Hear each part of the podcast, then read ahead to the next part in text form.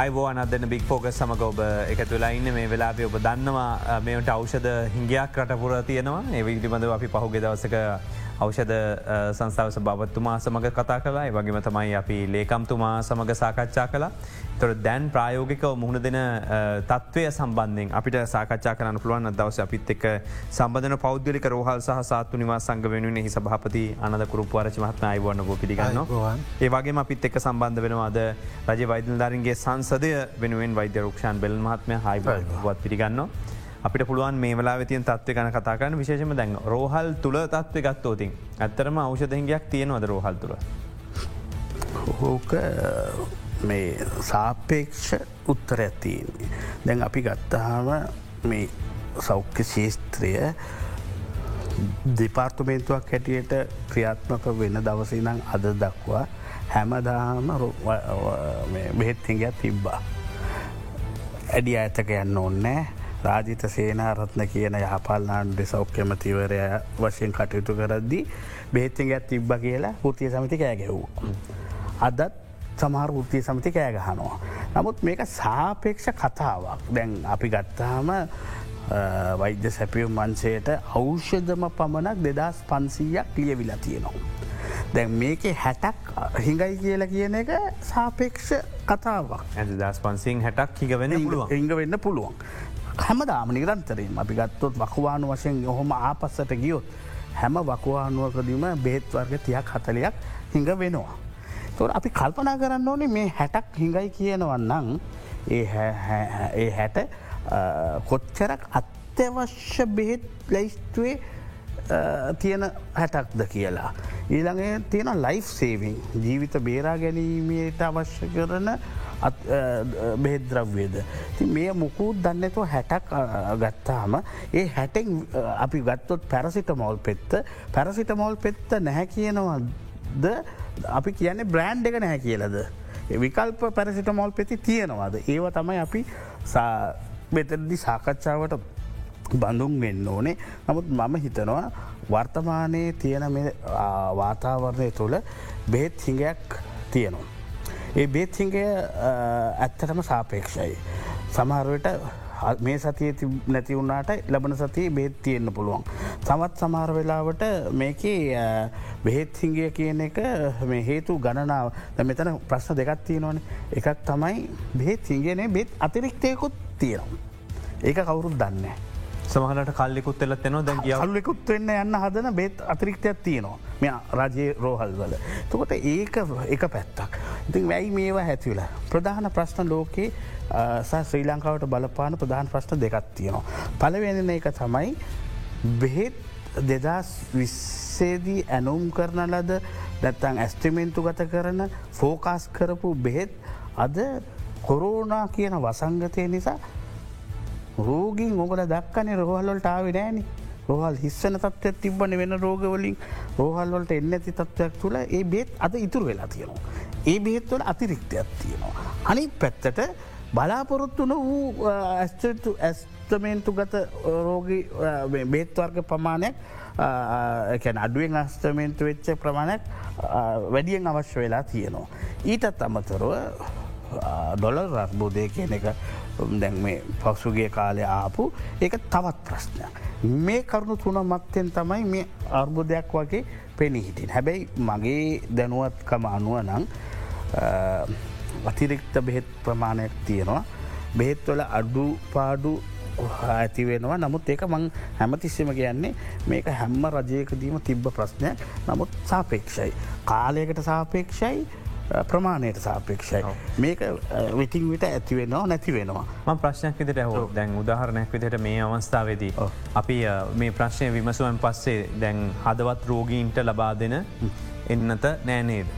ඇහවෝතින් කියන්න ඒක නැතිවරන් ප්‍රශ්නයක් නෑ. ඒ වෛදරුම් පුරුද්දක් විදිරම් බ්‍රෑන්්නේම් එකෙන් තමයි බෙහෙත්ලියන්නේ අවශ්‍ය නම් වෛදරුන්ට අවශ්‍ය අවෂධ නාමයෙන් ගන්න වෙනත් දේවල් තියනෝ කියන එක. මේක ඇත්තක්ද. තරමත් දුරට ඇත්තක් මොකද දැන් ඔය නැහැ කියන්නේ පිළිකා රෝග බෙහෙත් සහ හර්දරෝග බේත් නැහැ කියල කියන්නේ ඒ බෙහෙත්වල සැබෑ නැතිවීමකට වඩා අපේ තියෙන සිිස්ටම් එකක් නේම් පේෂන් බෙහෙත් කියල එක. ගැන බ්ලෙඩාටම අපිතුමු ඔයගේ නමටම ලියන බෙහෙතක්. ඒ බෙහෙත එන්නේ ගලාගෙන එමස්දියකට ඉල්ලුමක් වසින් විශේෂත්න වෛද්‍යවරයෙක් නිර්දේශ කරලා. අධ්‍යක්ෂකවරයා නිර්දක්ෂ නිර්දේශ කරලා. තොට ඒක එනකොට ඒ බ්‍රෑන්්ඩගේම ඒ බේත නැති වෙනවා. හරිද. නමුත් ඒකෙන් අදහස් වෙන්න විකල්ප බෙහෙත නෑ කියන එක. ති ඒ වගේ ප්‍රශ්ට තියෙන. නමුත් ඒකතයි ම මේ කිවේ බෙහෙත් හිංගිය කියන එක හරි සාපෙක්ෂයි ගොඩාක් සාධක වලට සාපෙක්ෂව. දැන් පෞද්ගලිකාංශයට මේ ප්‍රශ් තියන දත්තම දැන් මේක කොඩ දෙනෙක් අහනුවන දැ පෞද්ගලිකාංශයෙන් ගියෝතින් බෙහෙත් ගන්න තියෙනවා අන්ඩුවතමයි නැත්ත කියල වෙදර කියනන දැ මේ පෞද්ගලිකාංශයට බලපාල තියෙනවා පෞද්ගලිකාංශයටත් මේක දැම් බලපාල තියෙනවා. තැන් මාකට් එක වෙලද පොලේ අවසද නැති වුන්න හම අපි වෙලද පොලෙන් මිලදී ගන්නේ. ඒ එතෝට පෞද්ගලිකාන්සේටත් මේක රිජුව බලපාලතිය බලපෑම නවත්තන්න බැහැ. එක අනිවාර්යම බලපානවා පෞද්ගලිකාන්සේට. තුර පෞද්ගලික රෝහල් හා සත්නවාසේ දිර ගත්තම ලංකාව කොච්චරක් තියනවද ඔබතුමලගේ සංගමයත් එක කොච්චර විතර පිරිසක්කින්නවද. සාමාන්‍ය පෞද්ගලික රෝහල් දැනට දෙසියකට ආසන්න ප්‍රමාණයක් ලංකාව ස්ථාපිත කරලා තියෙන විශාල සහ කුඩා පරිමාව වෙනකල් එය අතරතුර දෙසීයක්කට අසන්න සංඛ්‍යාවක් දැනට රෝහල් තියෙනවා. එතුට මේවා නියාමනයකට ලක් වෙනවද? මෙවා නියාමනයකට ලක්වෙනවා ඒ සඳහා දෙදා සයේ පාර්ලිමේන්තු පන්න පන්නතා තියෙනවා. පාර්ලිමේන්තු පනත් අංක විසි එක ඒ අටතේ ස්ථාපිත කරලා තියෙන සෞඛ්‍ය නියාමන සභාව. පෞද්ගලික සෞඛ්‍ය නියාමන සභාව කියල සභාවක්. ඒ අනුව ඒක මගින් නියාමනය කරනවා. ඒක ස්ථාපිත කරලා තියෙන්නේ මේ සියලුම පෞද්ගලික සෞඛ්‍ය ආයතන ඩියාපදිංචීට මොනිට කරන්න සහ එවගේ සංවර්ධනයට. දැන් මේක ප්‍රශ්නක දෙකක් ආහන්න තිවුණ එකක් තමයි වෙනදට සාමාන්‍ය විදිහට අදාල ආයතනොලින් එල්සි ඔපන් කරලා අවෂධ නියම අධිකාරයේ අනුමැතිය අතුව බෙහෙත් ගෙන්නුවන් දැන්තිය ප්‍රශ්නමක් දතන සල්ලි නැති පස්ස ඩොල නැති ප්‍රශ්නද මනත් ඩොල නිකුත් නොකිරීමද මනත්තන් බෙත් ගන්න ගන්න විදිහ නැත්ත මොකක්කින්දද. දැන් අපි මිලදී ගන්න අවසද ගෙන්වන සමාගම්මලින් සහ රාජ්‍ය අවසද නීතිගත සංස්ථාවෙන්. එතවට ඒගොල්ලන්ගේ ඌනතාවය මත තමයි අපට ලබා ගැනීමට නොහැකි වෙලා තියෙන්නේ.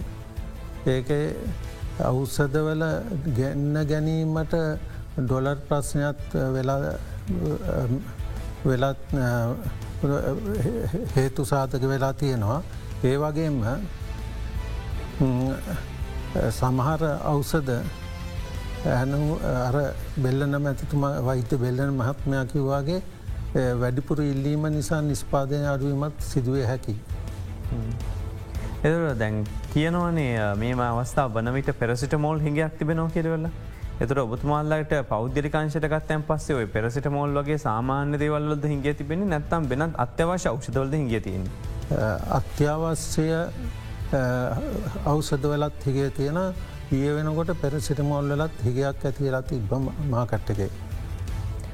බෞග දවසක මේ පිළිබඳ විමසුවම සඳහන් කරේ ආර්තනැක් විදිහට රජය විසින් මිලියන හාරසියක පමණ ප්‍රති ප්‍රමාණයක් භාර්ෂිකව නිෂ්පාදනය කන ලංකාව ජනගහනය සම්බන්ධ බලව ඉතාමත් විශාල ප්‍රමාණයක්. අපේක්ෂ බැලුවම්. එතකොට පෞද්ගලිකංශයත් ඒක වගේ තව දෙගුණයක විතර ප්‍රමාණයක් නිෂ්පාදනය කරනවා. නමුත් ඇම මේ වෛද්‍යවරුන් සහ ඒක වටවරු නියම කිරීමේදී වෛද්‍යවරුන් විශේෂෙන්ම. අනවශ්‍ය විදිරත් මේ නිම කන මොකද පෙරසිට මෝල හරංගල විසි කල දාන සරූපයක් තියෙන ඒවද මේකට ප්‍රශ්න වෙලා තියෙන. මංහිතන්න එහෙම ප්‍රශ්නයක් ඇත් නිසයි කියලා සාමාන්‍යෙන් ඔය ඉසික් කල්ල දාන සිරිත මේ අද ඒ තිබ්බ එකක් නෙමෙයි. ඒක හැට ගනන් ඔල වනත් මිනිස්සු බොරුවට ගිහිල්ල බෙහෙත්තයක් ඉල්ලනවා ගෙදර ගිහිල්ල. අර ඩොක්ට එක කතා කරපු සතුටට බෙහෙත්තික ඔන්න කියලා එහෙම ඉන්න පිරිසින්නවා විශේෂෙන් වයස්කත අය. ඒකුලට ටිකක් ඩොක්ට කෙනෙක උදේවරුවට ගිහිල්ල හම්බෙලා කතාබා කරහම කියන ප්‍රධානම දැත්තමයි මගේ කකුලරි දෙනවා කොන්දරි දෙනවා ඒක රිදුම්න කියන්නේ. ඩොක්ට පැන්ඩෝල් ටිකක් ලියනො තමයි. නමුත් ඒක ඩොක්ටර් නොලිය ඉන්නත් බෑ. ඒ නිසා යම් කිසි අපි හිතන්න එතනක. නමුත් මෙතන තියෙන ප්‍රශ්නය මං දන්න විදියට පැරසිට මෝල්වල පැරසිට මෝල් වර්ගයක් ඉතා ප්‍රසිද්ධ බ්‍රෑන්්හකින් මාකට් එක තියෙනවා.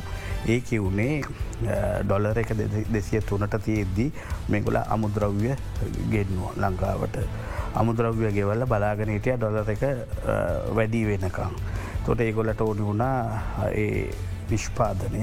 ඩොලර් එකට වැඩිවෙච්ච ගානට නොබෝ දිනකින් වැඩිවේ කියලා දැන් ම එකන බඩු ගෙනල්ලා ස්කෝකරගෙන් තියන්ගෙදල වැඩිවෙච්චකන් අරගාන්ට විකුණටම හද බාධමින්. ඒහෙම කූට උපක්‍රමත් පාවිච්චි එක ප්‍රධාන පෙළේ නිෂ්පාදක ප්‍රධාවන පෙළේ සුප්‍රසිද්ධ ලෝක ප්‍රසිද්ධ නිෂ්පාදකි මංහිතන අපි කවරුද්දන්න පැරිසිට මෝල් පෙත්ත කිව්වාම අපි දන්නේ ඒ වෙළඳ නාමින් තොර ඒ වගේ සමාගම් වල තිබ්බ ඒ උපක්‍රම නිසා මේ යම් කිසි අපි ගත්තොත් පැරසිටමෝල් කියන පෙත්ත රජයරුහල්ලල තියෙනවා.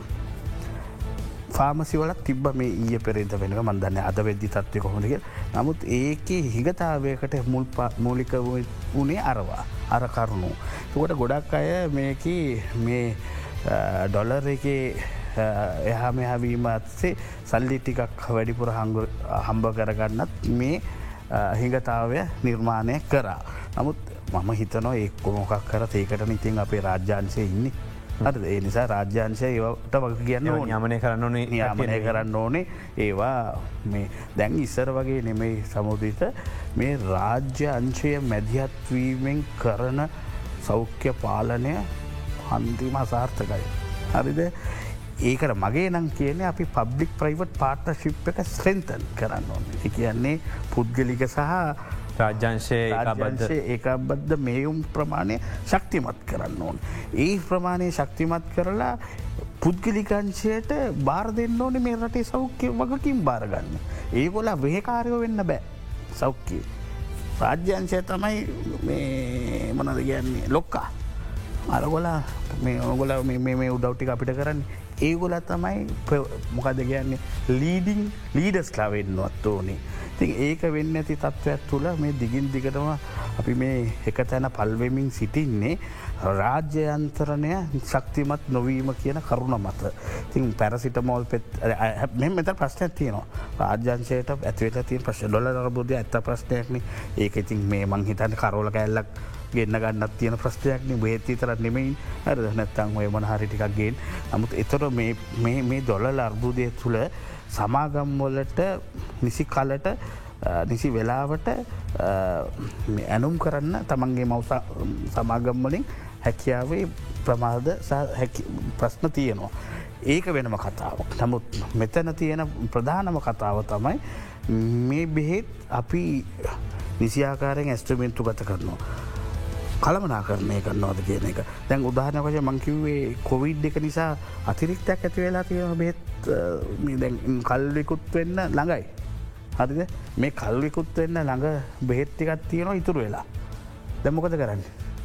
විසික් විනාශ කල්ලා විසික් කල්ල දානවද රජය ඉදිරී තියෙන ප්‍රශ්නය එහෙම නැත්තං මේ ටික පුද්ගලිකංශයට නිකුත් කල්ලා මුදලක් හොයා ගන්නවාද. මම මේ සම්බඳධ විමසෝම කිව්වේ වෙනදට රෝහල්වලට අවශ්‍ය කරන්නේ යනවුම් ප්‍රමාණය ලබාදුන්නය පස්සේ රෝහල් වලින් මෙච්චර මෙච්චර ඕන කියරවරලා ගෙන්න්න ගන්න. ගෙන්නලා ඒගොල්ලන්ගේ ගබඩාවල ඒගොලො තියන් ඉදලා අවුද්ධ අන්තිමට කල්ලිකුත්තලා මේවා අයින් කරන්න. නමුත් දැන්වෙන්නේ ක්‍රමය නෙමෙයි රෝහල් වල නැතුව අමාත්‍යංශය ගබඩාවල තියාගෙන ඉදලා අවශ්‍ය පරිදි ඒ බෙදාහරීම සිද්ධ වෙනෝ කෙනක. මේක පිළිගන්න පුළුවන් ඔබ නිය ජදක්ෂවරය විදරත් වැඩක හිද රෝහල අමතර ප්‍රමාණයක් ගබඩාවෙනෝ විසිකරනෝ කියනක ඇත්ත නේද. ඒ එතන ඉතින් කළමනා කරණය ප්‍රශ්නයක් තියන්නේ. ප්‍රස් කළමනාකාරිත්වය පිළිබඳ ප්‍රශ්නයක්. දැන් කොහේ තිබ්බ? මේක සෙන්ට්‍රලයිස් මොකක්ද කියන්න? අප ගෙන්න්න බෑ කියලන කියන්නේ. ඒකන දැන්ඩට බේසක තිබයි කියලා. අපගේට න රෝල මෙචරත්තින මේක මෙචරත්තිනක සමන ගෙන්වීම වෙන්න හිද අමාත්‍යංශතයන්ගල ඉල්ලීම් පරිදි ලබාදනෝ කියල කියන්නේ. ඔව ඉතින් ඒක වර්දක් නෑනේ චතුර ඒ ඇන ඉල්ලීම් පරිදි කරත් කොහෙ කරත් මේක යුනිෆයිඩ් සිිස්ටම් එකක්නේ හරි ඒ මේක ඇවිල්ලා අපි තුම කළුබෝවිල රෝහලට අවශ්‍ය කරන බෙහෙත් අපි ඕඩ කරනවා ඕඩ කල්ලා එමස්තිකෙන් ගෙන්න්න ගන්න. බදුල්ල හොරෝහලත් එහෙමයි. එතකොට යාපනය රෝහලත් එහෙමයි. නමුත් මේකේ අපි කල්පනා කරන්න එපැයි මේ බෙහෙට්ටික යවනෝ. අපිතුම බදුල්ලට යවනවා. ඊළඟට බෙහෙට්ටික පාවිතා උන්නෑ කියලා බදුල්ලෙන් නැවත එමස්දියකට එවනවා.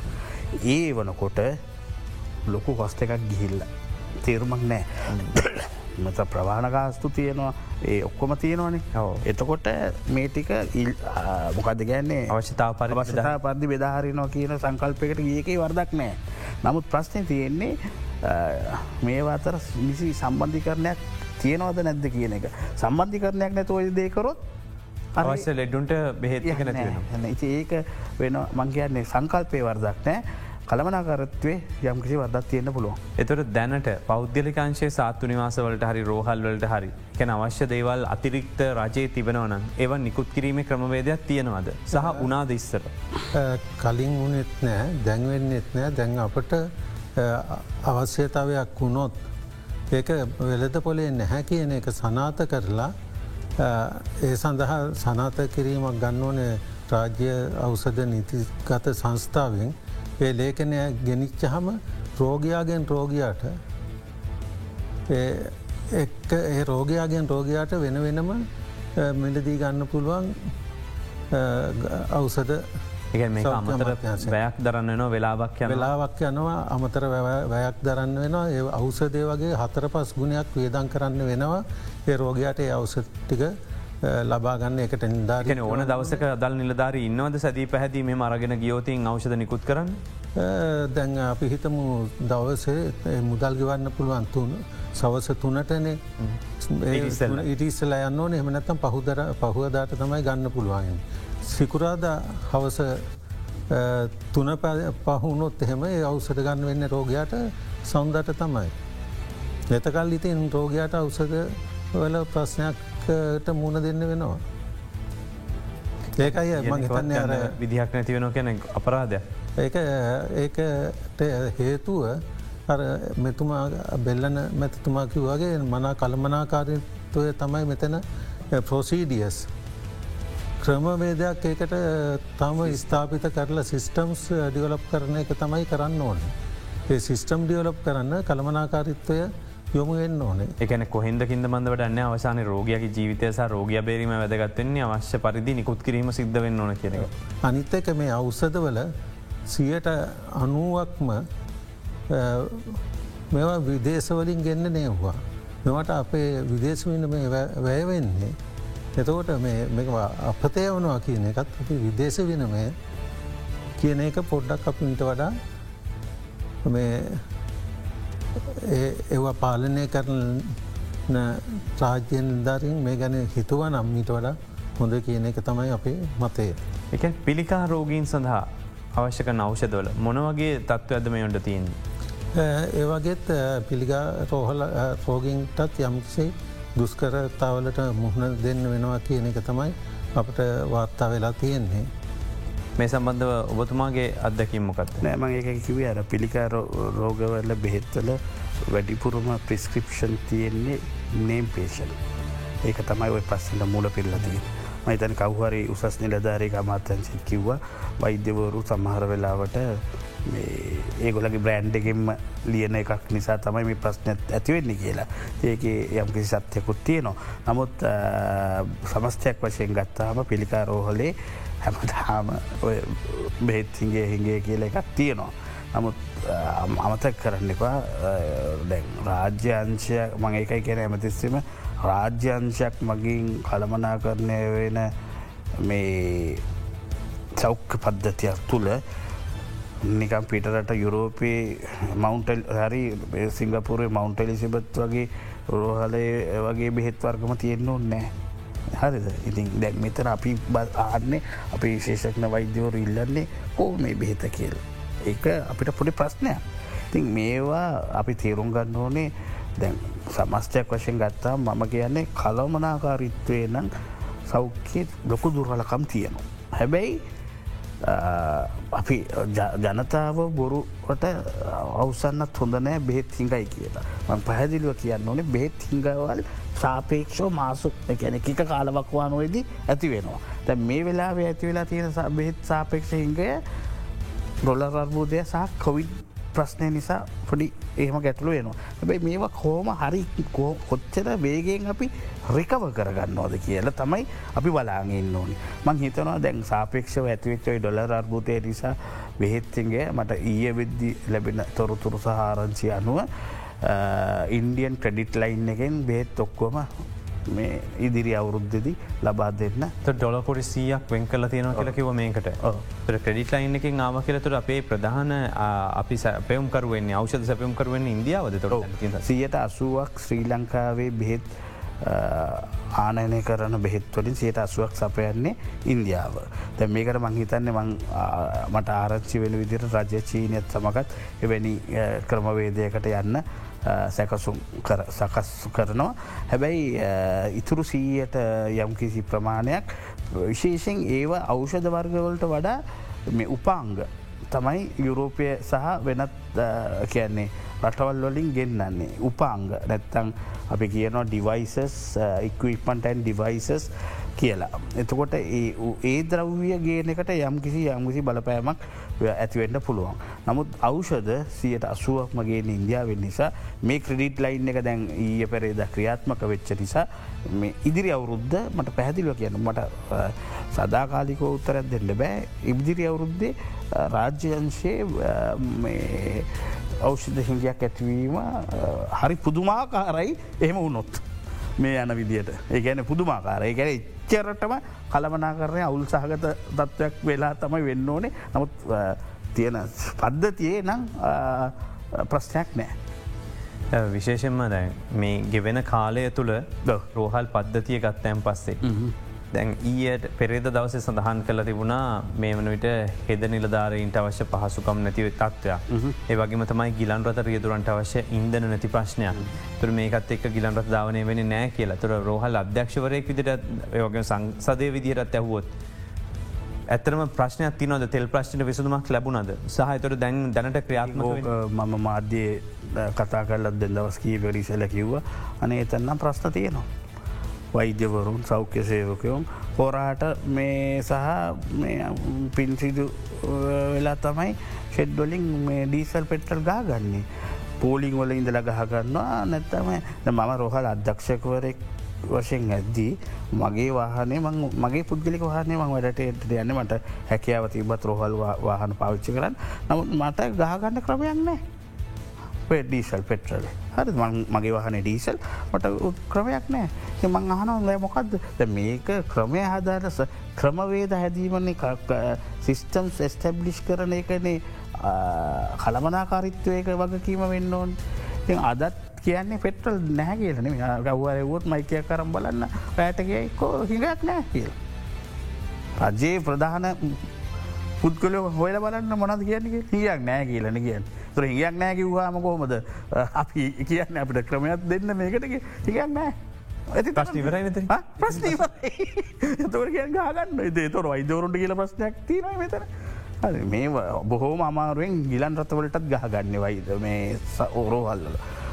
අනිත්තක දැන් ගිලන් රතයක් වුණත් ගිහිල්ල පෙට්‍රල් සෙඩ්ඩයකට ගහගද්දී පෝලින් ගහල මිනිසුකිට ආවතියන්නේ උන්ට ගහන්න තියෙනවා නම් ඩීසලයි අපිට ගන්න ඇති. හංගගෙන නිබල කියලා වෙන් කල්ලා තියාගෙන එතර ලොකු ප්‍රශ්නයක්.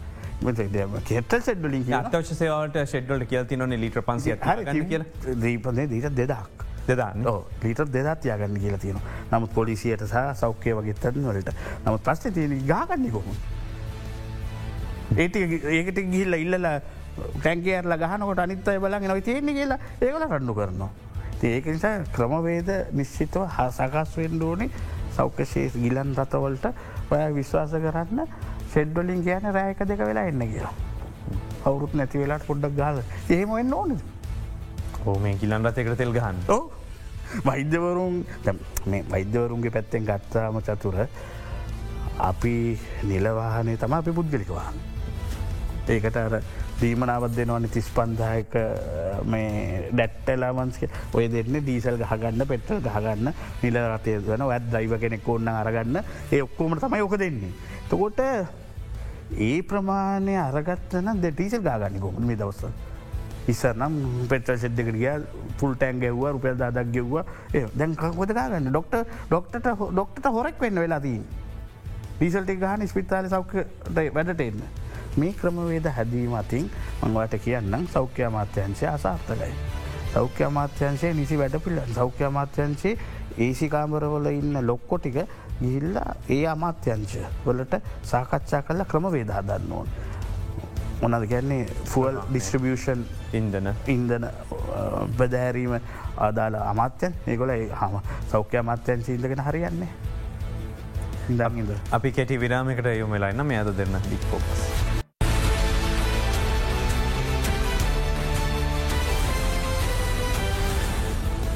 යලි බාද දෙන්න බික් ෆෝක සමග එකතු ලයින් අපි මේ සෞඛ්‍ය ශේත්‍රයේ අවෂ ධර්බුදය සහ මේ පරිපාලන ප්‍රශ්න සම්බන්ධයෙන් සාකච්ඡාව මෙහමින් ඉන්නේ. රක්ෂන් බෙල්ල මහත්ම දැන් ඊයේ පෙරේ දවතුමා මාධ්‍යමක් පවත්තලා සඳහන් කරපු කාර නැත්තමයි භෝජනාගාර වැහිලති වෙන අපන ශාලා වැහිල කියලා රෝහල්ල එක හෙමද දැනට ඒව ක්‍රියාත්මක වෙන්න නැදතකොට ඒකත් එදා වේල ටුවස්වලින් ක්‍රියාත්මක වෙනවා ක්‍රියාත්මක නොවෙනවා. සමහට ගෑස්ටිකක් හොයාගත්තොත් ඒ භෝජනාගාර සහ කැන්ටීන් රෝහල්වලට සේවා සපයන අද පොඩ්ඩක් අම්මුණු යාන්තන් ගෑමටිකත් තිී. ගෑස් නැතිවුණොත් වහලදා නොයකොලා. ඉතින් මේ තත්ත්වය නිසා රෝහල්ලල භෝජනාගාර කුස්සි ලෑස්ති වෙන දර ටිකක් ලෑස්ති කරලා මේ ටික කරන්න කියලා ලක ලෑස් වෙලා ඉද්දි ඔන්න එනවා ගෑස් ටිකක්. ඉදි ඒ වගේ තත්ත්ව ඇත්තමයි යන්න. එතුට රෝගීන්ට ආහාර සපීමේද ඒකතයි මං මේ කිවේ ඒ ඒ කට්ටියට. ඒ රෝගීන්ටත් මේක හැන තාම නැති වෙලා. එට සැපයම් කරුවෝ කිය නොනේද මේ එයට දෙන්න විදිහක් නෑ කියල පරණ මිල ගන්නට නමුත් ඔබතුමල්ල කල ඕතන කොටස් දෙකයි චතුර. එකත්තමයි වෝජනාගාරය රාජ්‍ය සේවක ඉදං රජයේ සේවකය තමයි ඒක උයන්න පියන්නේ. කළමනාක ටික සප්ලයි කරන්නේ පුද්ගලිකංශයෙන්.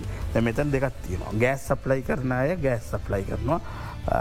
ආහර. තුන පහ හා පිටිසීරි සප්ලයි කන සප්ලයි ප්‍රශ්නයක් තියෙනවා මෙතන. ඒ ගොඩා අවුරුද්ධකට කන්ට්‍රක්වටන සපයන්නේ ආරු අවුරුද්ධය මුල තිබ්බ ගාන නෙමේ මාස දෙකත්තු නංගියට බස් ඉන් හෙන ප්‍රශ්න තිය නොමේ ගොල්ලට එනිසා එතන ලොක් ඒක වෙනම ව්‍යාපාරික ප්‍රශ්නයක් හැබැයි මම කියන්නේ මේ ගෑස් සිංගය ආයිත් වැඩ පිළිවෙලක් යෙදුව නැත්තං රෝහල්වලට ගෑස්සිංගයට අනිවාර්යෙන්ම රෝගීන්ට ප්‍රස්ථ දෙකක් ඇතිව. පලවෙනි දී තමයි රෝගීන් අද ගිලං වෙලා මේ වාට්ටුවල ඉන්නකොට ඥාතිීන්ම සාමාන්‍යෙන් කෑම එකක් කරගෙන ඕන එන්න ඕනි ඥාතින්ට එන්න බැරි තත්වයක් උදා වෙලා තිබ පවගේ කාලේ බස් නෑ එන්න ඩීසල් නෑ ගොලගේ පුද්ගලික වාහනයක් තිබ්බ. ඉතින් එතකොට රෝහලෙන් දෙන කෑම එක තමයි රඳා පවතින්නේ මනුස්්‍යයාගේ ජීවිතයට කෑමටිකට. තෝට මේකට වැඩ පිළිගක් නෑ ඇත්තටම කියනවන. ති සාමානෙන් අපි බලාපොරොත්වන දෙයක් තමයි වෛද්‍යවරුන්ට ඩීසල් ටික ගහගන්න කෝටායක. සතියකට මෙච්චර කපික දැන් වෛද්‍යවරෙක්ට පිටරට මේ ට්‍රිප් යන්න ගහන්න ඕන්නෑ හැබයි යට කියන්න ඕන අපි දෙන්න ඔයාලට කෝට එකක් ලීටර් විස්සක සතියකට. යන්න එන්න ඉතර රාජ්‍ය සේවේ ඕනෑම රාජ්‍යායතනයක් සේවකෙක් කිලෝමීටර් විස්සක ඇතුළ ඉන්නඕන. ගල්ල බදුල්ල ගල්ලේ ගෙවල් කියලා කියන්න බෑ. නවා තැන්ගන්න ඕනේ කිලෝමිට්‍ර විස්සක් ඇතුළ ඒකන ආයතන සංකරය කියන් තොර ඒකට සරිලන්න අපිට පුළුවන් මේ කෝට එකක් ෆුල් හැම්ම ෂෙඩ්ඩකටම කියන්න වෛද්‍යවරයක්ගේ අයිඩියගත්ති නේ ඉති අයි මේ ඔක්කම ඔබතුමල වෛද්‍යර විතර සුවිශේෂකන්න තොට හෙද හෙද ඕන්න නැද වැඩ කරගෙන හලන්ද ඒගොලන්ට දෙන්න නැද තවත්‍යවශසව කිය තින රට? ඔක්කොට මොහොම දෙන්න ගියන් පස ඔක්කොරම පව දෙන්න වෙනවා. දෙන අනුපිට වෙල කදා ගණ්ඩ ඕනෙ. දැන් අපි ගත්තෝත් මං මේ වෛද්‍ය කියලා කියන සෞඛ්‍ය කියන එකම තමයි. නැතුව හෙද නෙමයි කියන එක නෙමෙයි. නමුත් අපි ගත්තොත් පොලිසිය ආමියක අනිවාර්ය මංකයක ප්‍රයරිටයෙන් එපේ. හරි? පස්ස අපි පාඩි ලයිස්වක් හදාගන්න ඕන්. හදාගෙන ඒ අනුව අත්‍යවශ්‍ය සේවා දැන් තැපැල් අත්‍යවශ්‍යද මේ වෙලාවේ? නැත්තං සෞඛ්‍ය අත්‍යවශ්‍යද කියලා හොයලා තැපැල්ලකටත් එකම ගාන මේකටත් එකම ගාන දෙන්න බෑ. ඒකන ඇත් සබත්තත් සාමානෙන් අර්බෝධයක් වෙලා වෙදී ප්‍රයෝරටයිස් ප්‍රමුකුතා ලයිස්තුවක් හදවීම තමයි ඕනම රටක් කරන්න. මේක යම් කිසි කෙටිකාලීන ප්‍රශ්නයක් වෙන්න පුළුවන්නේ හරියට කළමනා කරණය කොරොත් රට මේක කෙටිකාලන ප්‍රශ්නයක්. මේකින් ගොඩ එන්න නම් ක්‍රම වේද සකස් කරන්න. ඒක නොමැතිකම තමයි මගේ අඳුනාව. මේකේ තව ඔබතුමාලකින් හෝතින් ඔබතුමාලගේ ශේෂ බලාපොරොත්තු මනද වෙන්න ඕන දේවල්ටික කියරවෙල කියන්න තියෙන වනද පෙළ ගැස්වීමක් කලොති. ඇත්තෙම අවසද හිගේ තැන්ට පිළියමක් වසයෙන් මම ඉස්සල්ල කිව්වාගේම ක්‍රමවේදයක් අඩුමානය සෞඛ්‍ය අමත්‍යන්සේ යට තියෙන ගබඩාවලින් ලබා ගැනීමට නියම ක්‍රමවේදයක් සැකසය යුතුයි. තියෙන යල්කිය පැනගිය ක්‍රමවේදයන් යථාවත් කරන්න ඕනේ. අතට ගැලපෙන හැටියට ඒකම අනිත් අපෙත් ගිලන්තතවලට ඒවගේම දැන් ජෙන්රේට වලින් අපට දුවන්න වෙලා තියෙන්නේ පෞද්දිලිකාන්සයට විදුරි බලය ලැබෙන්නෑ. ඒ ඉන්දන ප්‍රශ්නය අපට ඒ ආකාරටම තියෙනවා. ඒ ඉන්දන සැපයුම සිද්ධ වෙන්න ඕනේ දැන් අපෙත් අයිසිව් වැඩ කරනවා ඒවගේ රෝගීන්න හදිසි ප්‍රතිකර්ම අන්ස තියෙනවා ඒවටත් බලසක්තිය කියන එක අත්‍යවශ්‍ය දෙයක්. එතවට ඒ ප්‍රශ්නයත් අපට ඒ ආකාරයටම බලපාලා තියෙනවා. ඒවගේම ආහාර පිසීමටත් අපිත් රෝගින්ට ආහාර දෙන්න ඕනේ ඒ කටයුතුත් අපටත් ඒ විදිහටම මෙතුමා කිව්වාගේම ඒ ආකාර්ටම අපිටත් ඒවට මුහුණ දෙන්න වෙලා තියෙනවා. මේකට යම්කිසි ක්‍රමවේදයක් සකසලා කළමනාකාරිත්වයක් ඇති කරලා මේ වකවානුවේ කටයුතු කිරීම තමයි වැදගත් අපිත් ඒක දැනටමත්. අපි පාලනය වෙන්නේ පෞද්ගලික සෞඛ්‍ය සේවා නියාමන සභාවෙන්. ඒකට අපි දැනුම් දීලා තියෙනවා මේකට ක්‍රමවේදයක් හදලා ශේෂ්ඨයට සහනයක් ලබා දෙන්න කියලා.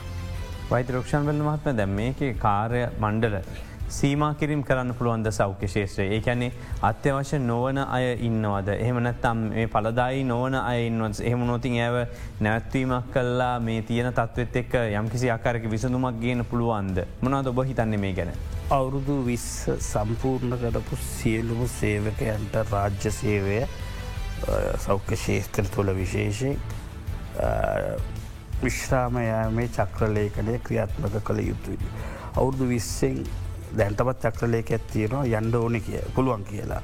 ඒ අයවා එක්කෝ විශ්‍රාම යවන්න ඕනේ ඒමනැත්තං විශ්‍රාම යන්න දිරිමත් කරන්න ඕන.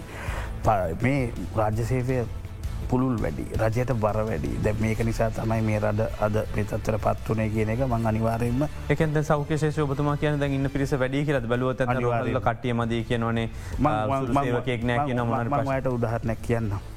ඔය යන්න ලංකාවි තියෙන පුද්ගලික රෝහල් තුන හතරකට හරි අද හවස.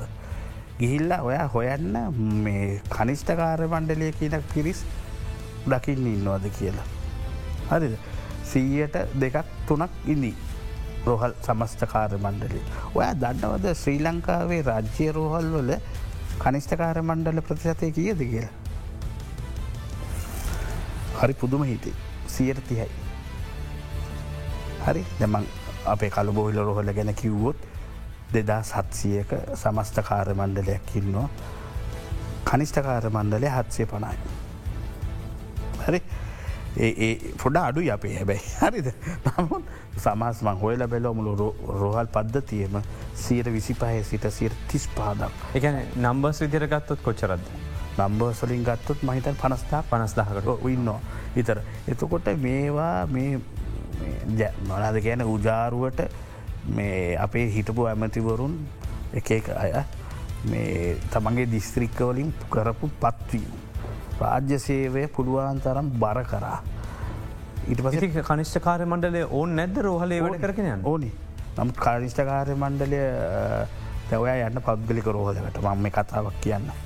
පෞද්ගලික රෝහලට ගිහාම ප්‍රෙෂර එක බලන්න කවුද කරන්න ඩොක්ට එයා බඳිනවා ප්‍රෙෂර එක බැඳලා ලස්සට බලල කියනවා ප්‍රෂර.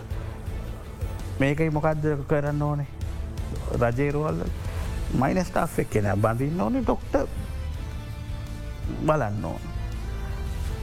වාටුවක් ගත්තෝත් ඒ වාට්ටුවේ අපිතුම් උදේවරුවට පස් දෙනෙක්කින්නවා. සේවකයෝ හතර දෙනෙක්කින්න. එක්කෙනෙක් ඔයවනවා ලැබෝට්‍රිය එකේ රිපෝට් සරන්නේ. තව එක්කෙනෙක් ඔය වනවා එක්ස්ටේ අරන්න. තව එක් කෙනෙක් මොනහරි කෑම ඊට පසේ න විශේෂක්න වෛද්‍යවරයා වාට්ටුවට එනකොට ද ගෝඩ්ඩවුන් කරන්න තායට කව්වරේපයි නෑ එතකොට මොකද වෙන්න. අනේස මේල්ලේ අපේ ස්ටාෆ් මදීනේස කියන එක තමයි කිය. ස්ටාෆ් කළමනා කරණය දුර්වලයි කියන එක නෙමයි කියන්න. අර ඉන්න ඔක්කෝම එක්කෙනගෙන් කරගන්න පුළුවන් දේවල් වලට තුන් දෙනෙක්ව යවලා දැන් කියනවා මදි කියලා. ඊට පස්සේ විශේෂක්න වෛද්‍යවරය එනවා. අදක්ෂගේ කාමරයට බලන්න අපිට ස්ටාෆ් මදිනේ මේ කොහොමද මේ දුවන්නේ? පාට්ටු කොමුත්තුවන්නේ මයින ස්ටා් පාක් කිටියට කට්ටිය මදින කියලා. මේ මේක කරන්න කරන්න බෑනි. තව දන්නෙක්වත් ඕනේ. අපේ ඩිරෙක්ටස්ට මොනද කරන්න? ලියුන් ලියන කෙලීම මයින ස්ටා් අඩුයි. හිලා අමාත්‍යස්. අමාත්‍යයන් චොයලි උන්ටික යොදල අප ඉන්න නිලධරි ගිල්ල ඇමතුමටික ඔන්න චාන්සකත් තියෙන හොඳ ඔබතුමාට රස්සාටිකත් දෙන්න කියලා ඕක තමයි වෙලා තියෙන මෙච්චර ඉවසේ ගැල ගමෙන් පුරෝන ගමවල් පෙරෙව් පොළොන්නරුවෙන් පුර ලොන් නරුවෙන් පෙරෙව්වා එම පෙරෙව්වා. ඒක තමයි මේ ගිය ක්‍රමවේද. තොට මේකේ ස්ටඩිය එකක් කරලා නෑ. මයිනස්ටා් කෙනෙක්ගේ වර්ක් ඔඩිට් එකක් කරලා නෑ. මෙච්චර ඔය මං විශවාස කරන්න ඔය ඕන ස්පිතරක් අදහවස කෝල්ල එකක්දාලා නොකලක මයිනස්ටා් ගාන කියද? මට තක්ගල කියන්න. මේවා ගාන කියද? සමස්ත ගාන. සියට විසිපාත්සයට තිස්පා දක්වා සියලුම රෝහල්ලල තියෙනවා. දැන් ඔයා ඒ අයින පිරිසිදු කිරීම් කරන්නට ඕන සුද පිරිසිදු කරන්න වෙනමාංච ඇතියන පෞද්ගලිකංචයක් බිලියර දෙකක් අවුරුද්ධට වියදන්න හැබ ඉස්සර ඒගොල්ල එක කරන්න? ඒක කර එක ඉගොලා ඉවත් කර. කම්කරු කියන නමත් ඉවත් කර. කම්කරු කියන නමත් ඉවත් කරලා සෞඛ්‍ය කාරය සහයක කියලා පත් කර. හරිත මන් තවටික කාලකින් වට කියන්න.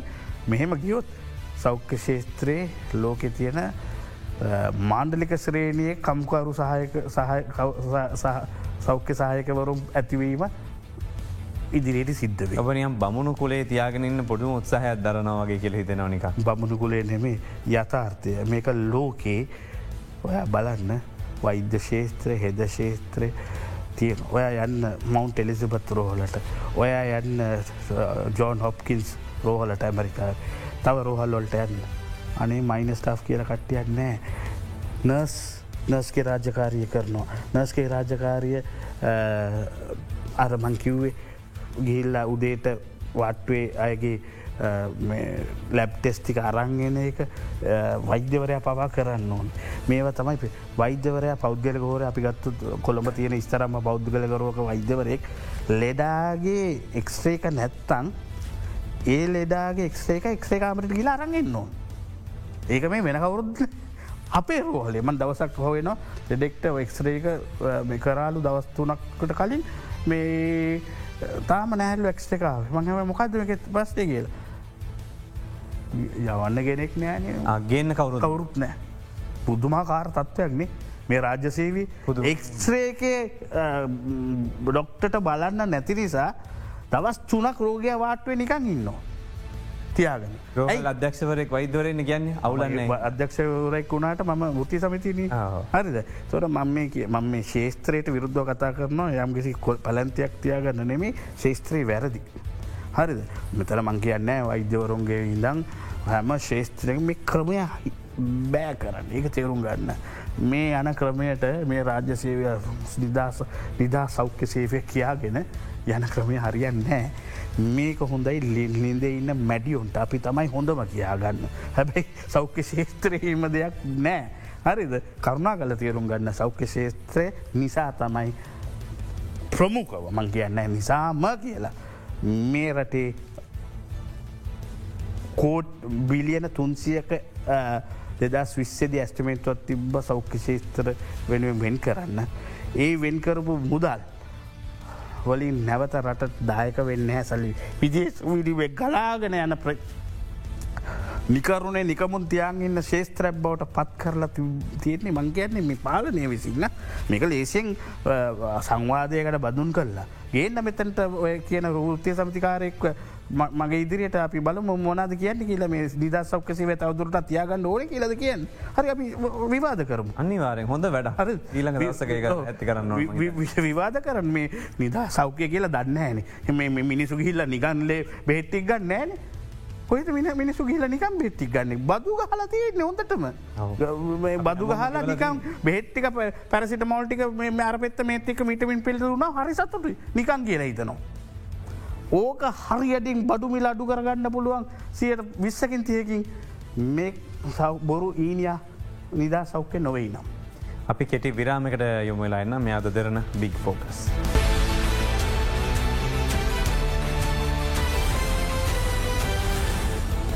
යලි අදන්න බික් ෝක සමග එකතුලයින් ති රාජ්‍යංශය තියන තත්වය අත පෞද්ගලිකාංශ නැද කියලා හන්න පුලන් වෙලාවක් මොද පෞද්ගලිකාංශ යෝජන කරමින් ඇවිල්ල නිසා ඒ සම්බන්ධ සභාපතිතුමා දැන් ඇතරම් පෞද්ගලිකාංශය ඔච්චර කියන තරන් මේ මෙතුම කියනක ඇත්තට මෙහෙම වෙනවා දේ කියන්නේ ඔබතුමාල්ලගේ රෝහල් ජාලය තුළ සාත්තු නිවාස තුළ ඔය විදියට ගොඩක් අනවශ්‍ය පුද්ගලයෝ නැද්ද? එකන්නේ එහම දූරාවලියක් නැද්ද.